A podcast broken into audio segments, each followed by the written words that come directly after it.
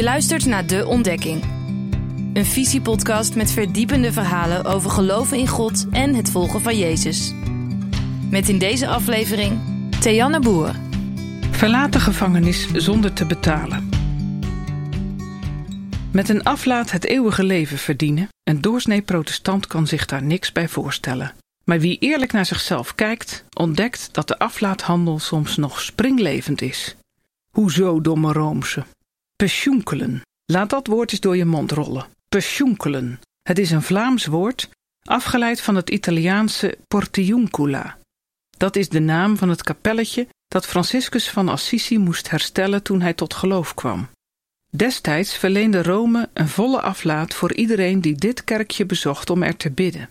Later werd dit gebruik veralgemeniseerd, zodat je met allerzielen ook in je eigen kerk volle aflaten kon sparen voor de zielen in het vagevuur. Veel mensen gingen dan even bidden in de kerk en liepen dan een blokje om en gingen dan weer naar binnen voor een volgende aflaat. Met allerzielen is pensioenkerles, zeggen ze in Zuid-Limburg. Als je tijdens dat pensioenkelen totisch quotisch had gedaan, dat wil zeggen biecht, communie, zes keer onze vader en één keer wees gegroet, dan had je een volle aflaat bij elkaar gespaard. Dertig jaar geleden zat ik in de schoolbanken en schudde ik mijn gereformeerde hoofdje bij het bestuderen van die rooms-katholieke aflaathandel. Hoe konden die Roomse toch zo dom zijn? Denken dat je je een plek in de hemel kunt kopen. Het idee dat je met geld of met het opzeggen van zoveel weesge groetjes je geweten kon zuiveren. Waar lazen ze dat in de Bijbel? Toen kon ik niet vermoeden dat ik nog eens hevig in de knoop zou komen met de manier waarop er in mijn gereformeerde kerk omgegaan werd met schuld en boete. Wat moest ik met een God die heel genadig altijd weer vergaf, maar je ondertussen continu bleef wijzen op je fouten en je geneigd zijn tot alle kwaad? Hulpeloos maar schuldig, zo voelde ik mij. En ik ging het gebed gebruiken als zuiveringsactie. Dan vroeg ik vergeving voor van alles, ook voor dingen die ik had moeten doen, maar niet had gedaan. En na zo'n gebed voelde ik me bevrijd, maar ik wist, nu begint het hele circus weer opnieuw.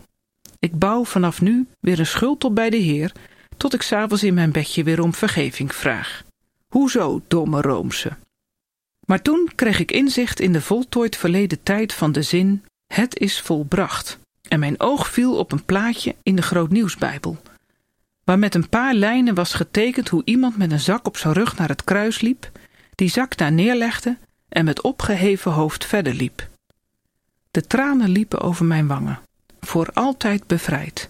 Jawel, ik was 25 en gepokt en gemazeld in de gereformeerde leer, die zo anti-rooms was als de pieten, en toch moest ik zelf ontdekken wat genade was. Ik hoop van harte dat iedereen op Gods tijd zo'n Luther-erlebnis ontvangt. Tot, toch doe ik het, toch doe ik het nog steeds. Betalen voor mijn schuld. Elk jaar tel ik mijn giften op voor de belasting. En elk jaar ben ik blij als dat 10% of meer blijkt te zijn. Want dan is het me weer gelukt. Ik heb genoeg gegeven en kan achteroverleunen. Bizar toch, en raar toch dat mijn gevoel daarin meegaat. Ik voldoe aan de oud-testamentische norm van de tiende en ik deug. Ik kan bij God weer door de beugel. De aflaat bestaat dus nog steeds. Tik het woord in op social media en je komt erachter. Vooral de CO2-uitstoot wordt ermee in verband gebracht. We vliegen de aardbol kapot, leggen behalve Schiphol ook nog eens een vliegveld bij Lelystad aan, maar voilà, we kopen het af met een of ander klimaatfonds dat aan de andere kant van de wereld bomen voor ons plant. Je reinste aflaat, roepen velen. En dat geldt natuurlijk ook voor allerlei andere vormen van schuldafkoperij. In verband met de compleet uit de hand gelopen kledingindustrie las ik ergens: De zondvloed lijkt er langzaam aan te komen, maar zolang je die trotseert in een jas van deels gerecyclede frisdrankflessen, is er in elk geval een plekje in de hemel voor je gereserveerd. Don't be the change, buy the change. Dat is hem. Doorgaan met zondigen en je schuldgevoel afkopen met geld. Niet je gedrag veranderen, maar je portemonnee ervoor op laten draaien. Geen verantwoordelijkheid nemen, maar af en toe wat doneren en ondertussen lekker doorleven. Wie van ons doet dat niet? Of val ik nu iedereen de te hard die zijn stinkende best doet om zijn afvalberg te verminderen, met de trein te gaan, niet meer te vliegen en vegetarisch te worden? Ja, klopt. Het ligt inderdaad genuanceerder dan ik hierboven beschrijf. Onze sponsorkindjes hebben we niet alleen om ons schuldgevoel te, wat te verminderen. We willen ook oprecht iemand in Afrika een beter leven bezorgen. Want we janken van binnen om zoveel onrecht. En we zoeken machteloos naar manieren om daar wat aan te doen. En ook de schade van onze buitensporige milieuvervuiling willen we oprecht verminderen door elders bomen te planten. Kortom, we willen wat doen.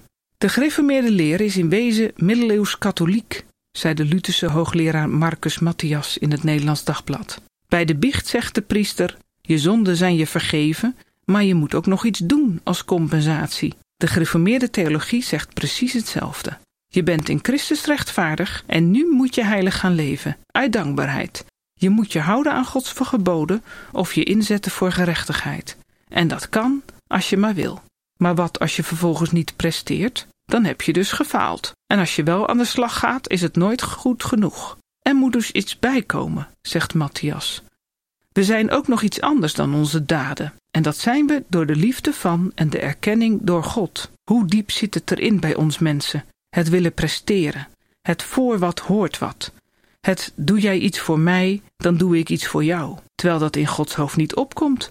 Hij zoekt ons op en maakt ons heilig, ongeacht wat wij doen. Verlaat de gevangenis zonder te betalen, met of zonder sponsorkindje. Dankjewel voor het luisteren naar deze Visiepodcast. Vond je het leuk? Geef ons dan even een beoordeling in je podcast-app. Tot volgende keer.